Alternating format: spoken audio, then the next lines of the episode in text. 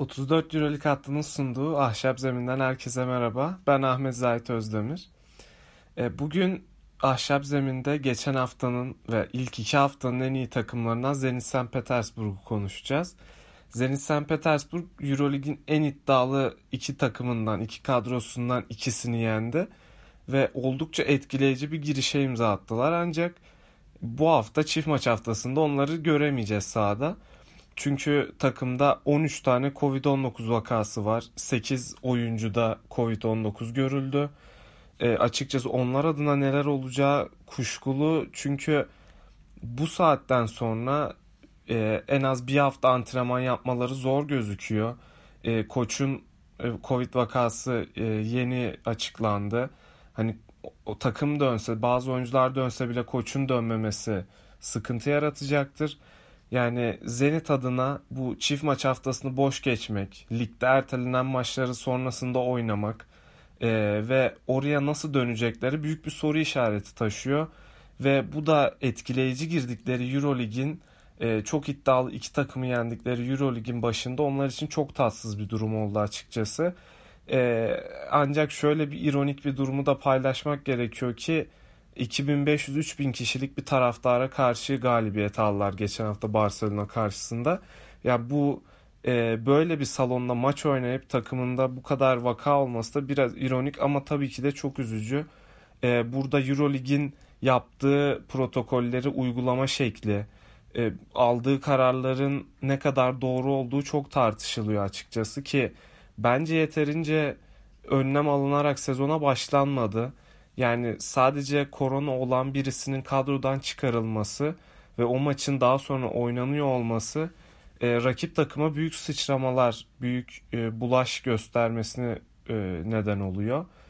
Yani bu yüzden bu tarz konuları daha farklı bir şekilde tabii ki bubble çok zor bunu daha önceki programlarımızda da konuştuk ama e, yani baktığımız zaman bir şekilde belki maç sayısını azaltıp başka bir formatta oynanması gerekiyordu sezonun. Ama böyle olunca 2 haftada 6 takıma sıçramış bir Covid durumu var. Ve bu hafta çift maç haftasındaki sirkülasyonla birlikte korkutucu bir beklenti içerisindeyim açıkçası. Ama e, yani yapacak bir şey yok. Zenit oynamayacak ama ilk iki haftada da çok konuşulması gereken bir oyun izlettiler bize. Bunu konuşmamız gerekiyor diye düşündüm. Oyunlarını çok beğeniyorum e, düşük pozisyonda oynuyorlar.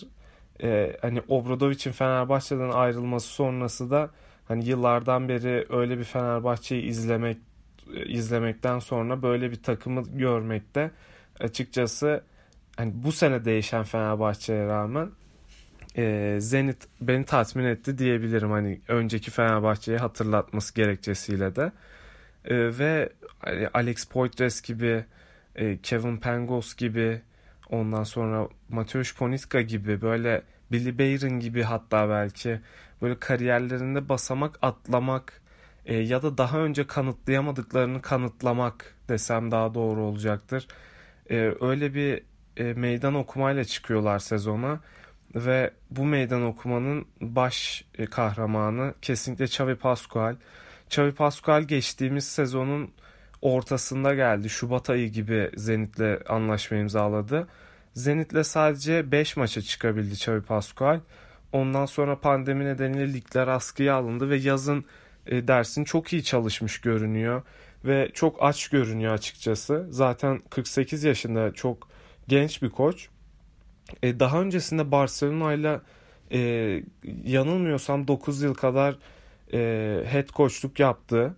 Ondan sonra 3 yıl Panathinaikos'ta head coachluk yaptı. Hatta 2,5 yıl diyebiliriz çünkü sezon ortası görevine son verildi. E, ve e, Xavi Pascual'in bu sürecinden kısaca bahsedeyim çünkü Zenit'teki motivasyonunun e, bu, şekilde daha kolay oturacağını söylemek gerekiyor. Bir tane podcast'te bahsediyor Xavi Pascual. E, Messina ile konuşuyorlar Barcelona'dayken. Xavi Pascual Barcelona'dayken Messina ona şunu diyor e, sen Barcelona'da iyisin, başarılısın ve mükemmel olduğunu düşünüyorsun. Ama yurt dışında bir takıma gidip orada bir şeyler kazanmadan e, harika bir koçum diyemeyeceksin, böyle hissedemeyeceksin diyor. Ve Xavi Pascual bunu bir motivasyon olarak görüyor. Bu aşikar. Ama ondan sonra gitti Panathinaikos'ta e, açıkçası çok elinde özgürlük olduğunu söyleyemeyiz. Hatta bunu e, o, o takımda bulunan oyunculardan Kit Langford bir röportajında söylüyor. Hani üstü kapalı söylüyor bunu e, ama bence yeterince özgür değildi. Kararların tamamını veremiyordu e, Xavi Pascual diyor. Ve o yüzden ki Panathinaikos'un başkanı gereği de biraz daha böyle baskıcı bir e, kararları kendi alma durumu var. Hani Langford buraya dem vurmak istemiyor. Çok karışmak istemiyor ama öyle görünüyor açıkçası açıklamadan. E, kısacası Xavi Pascual orada da istediklerini başaramıyor. Geçtiğimiz sezon Zenit'e geldiğinde Zenit kadrosunun bir iddiası yoktu. Zaten lig de askıya alındı ama bu yaz e, kurduğu kadro aç, yani gerçekten çok iddialı oldu. E, Euroleague'deki takımların e, özellikle playoff hattı dışında kalmasını beklediğimiz takımların biraz daha güçsüz olmasından da kaynaklı olacaktır bu. E, şu anda takımda hücumuyla ve savunmasıyla net bir şekilde öne çıkan e, isimler kimler diye baktığımızda ben savunmasıyla sadece Gudaitis'in öne çıktığını düşünüyorum. Net bir birebir savunmacısı olarak. Diğer oyuncuların e, pozisyon bilgileri fena sayılmayabilir. Ancak Gudaitis e, blokçu olması gereğiyle böyle pota altında hani gelen topu tokatlayayım modunda da oynayabiliyor. E, Poitres hiç fena değil atletizmiyle orayı kapatabiliyor. Ama kısa tarafında baktığımız zaman daha ziyade o hani yardım savunmasıyla kaymalarla bunu gösteriyorlar ki Fenerbahçe eski Obradoviç Fenerbahçe'sine benzetmemin nedenlerinden biri bu. E, tabii ki kalite olarak o kadar üst düzey olamaz bu takım ama e, savunmada birebir savunmada o kadar iyi olmayan oyuncuların takım savunmasıyla pekiştirilmesi ve hücumda düşük pozisyonla oynayan bir hücum takımı olması. E, mükemmel şutu, doğru şutu arayan bir takım olması. Bunu da şu şekilde söyleyeyim. E, ilk iki haftada en düşük pozisyonla oynayan ikinci takım oldu Zenit St. Petersburg. Yani Xavi Pascual'in felsefesini burada çok iyi anlayabiliriz. Ee, onlardan daha az pozisyonla oynayan tek takım da Barcelona Lassa ki Yasikevicius'u da hani Jalgiris Kaunas'tan biliyoruz e, düşük pozisyonla oynamayı tercih ettiğini. E, Xavi Pascual'in de bu yolda olduğunu söylemek lazım. Ki bunu yapmalarının ve bundan iki maçta galibiyet çıkarmalarının en önemli sebeplerinden bir tanesi e, iyi bir takım savunması var Zenit'te. Ki sezon başına göre böyle iyi bir savunma e, rotasyonu veya savunma kaymaları olsun, yardımları olsun, e, takımın iletişiminin şimdiden bu kadar üst düzeyde olması olsun açıkçası yani etkileyici.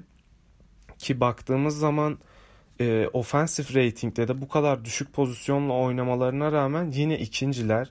Yani zaten düşük pozisyonla oynayan bir takımın e, offensive ratingi yüksek olmazsa o takım yenilgiye mahkum kalır ki e, düşük pozisyonun amacı da zaten o e, pozisyon başına daha çok sayı üretelim mantığıdır. Daha iyi şutu bulalım ve daha doğru anda o şutu atalımdır ki Pascual bu oyunu oynatıyor e, ve Efes ve Barcelona'ya karşı sonuç verdi bu oyun.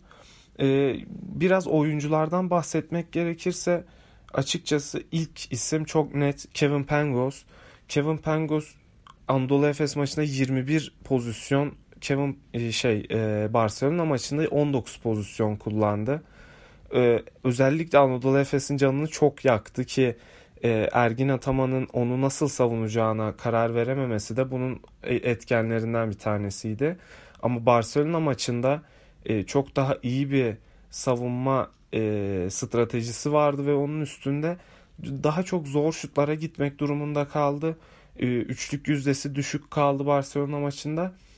Her şeye rağmen 15 sayı attı. Çünkü e, Pengos bu takımın ana lideri çok net bir şekilde ve ikilikler ve serbest atışlar olsun o sayıyı o skoru bir şekilde buldu. E, ama takımın asist sayısının düşmesinde onun oyununa biraz Barcelona'nın ket vurması neden oldu. E, ama baktığımız zaman ilk hafta çok ortalarda görünmeyen, e, şutuyla iyi giremeyen Billy Bayron özellikle Barcelona maçının ilk yarısında Zenit'in taşıyıcısı oldu. E, oyunu o dönemde Poitres'le birlikte çok iyi götürdüler. E, sonrasında ikinci yarıda Pengos ve Casey Rivers sazı ele alınca e, muazzam bir şekilde zaten hücumlarını e, daha böyle işleyerek oynamaya başladılar. Ki Casey Rivers'ın Zenit'teki etkisi çok büyük. Casey Rivers'ı çok beğendim ve e, takımın genel yaş aralığının 27-30 olduğunu görüyoruz. Orada üstüne çıkan Casey Rivers, Vitaly Fritzon ve Will Thomas var sadece.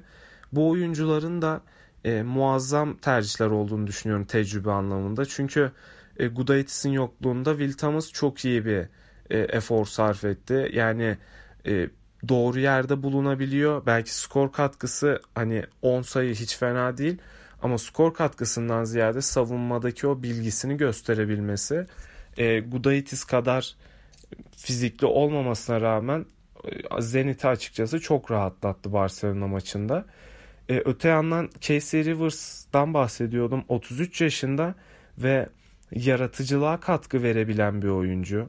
E, halen daha çok iyi şutu olan bir oyuncu. Yani şut ritmi Jalgiris'te geçtiğimiz sezon Jalgiris'te değildi. Ondan önce Panathinaikos döneminde bir e, çalkalanmalar vardı e, yüzdelerde ama şu anda çok istikrarlı görünüyor açıkçası.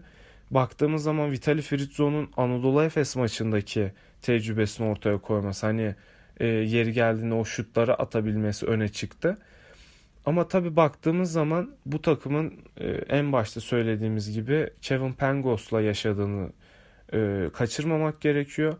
E, burada geçtiğimiz hafta oynamayan Gudaitis'in de yokluğunun hissedildiğini söylemek lazım. Her şeye rağmen Zenit hani o ironik olan durum taraftarının da desteğiyle birlikte Barcelona'ya karşı kazandı. Tabi Barcelona'da da Covid vakaları vardı. Yani sadece Zenit'te Austin Owens ve Gudaitis yokken Barcelona'da e, koç yoktu, yardımcısı yoktu. İkinci yardımcısıyla maça çıktı Barcelona ve tüm hafta boyunca antrenman yapamadılar. O yüzden hani onların e, ka- kaybetmesini çok da kötü görmemek gerekiyor. Ama Zenit'in bu iki haftayı çok iddialı iki takıma karşı galibiyetle kapattıktan sonra çift maç haftasında oynayamayacak olması onlar adına büyük şanssızlık. Daha da büyük şanssızlık hani tüm takım karantinadalar. Ondan sonra dönüşleri ne zamana sarkacak? Maçlarında hükmen yenik mi sayılacaklar? Çünkü 8 e, oyuncudan az kalıp bir maça çıkmazsanız eğer bu maça çıkmamanın nedeni bu olursa bu bunun cezası 20-0 hükmen yenilgi oluyor.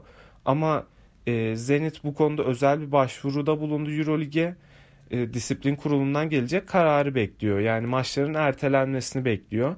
Ki ertelense dahi bu Zenit'in ne kadar işine gelecek. Çünkü antrenman yapmamış olacak ve e, takvimi gerçekten sıkışmış olacak. Çünkü VTB liginde de ertelenen bir maçı açıklandı. Yani sıkışan takvim, e, az antrenman, e, belki düşecek bir form olacak ama ilk iki haftadan e, verdikleri görüntü çok açıkçası iyiydi. Hani ondan da bahsetmek istedim ki ben haklarını verdiğimi düşünüyorum. Ama bu bundan sonraki aşama içinde onlardan edilecek tereddüdü de söylemeden geçemeyeceğim açıkçası. Ee, yani söyleyeceklerim bu kadar.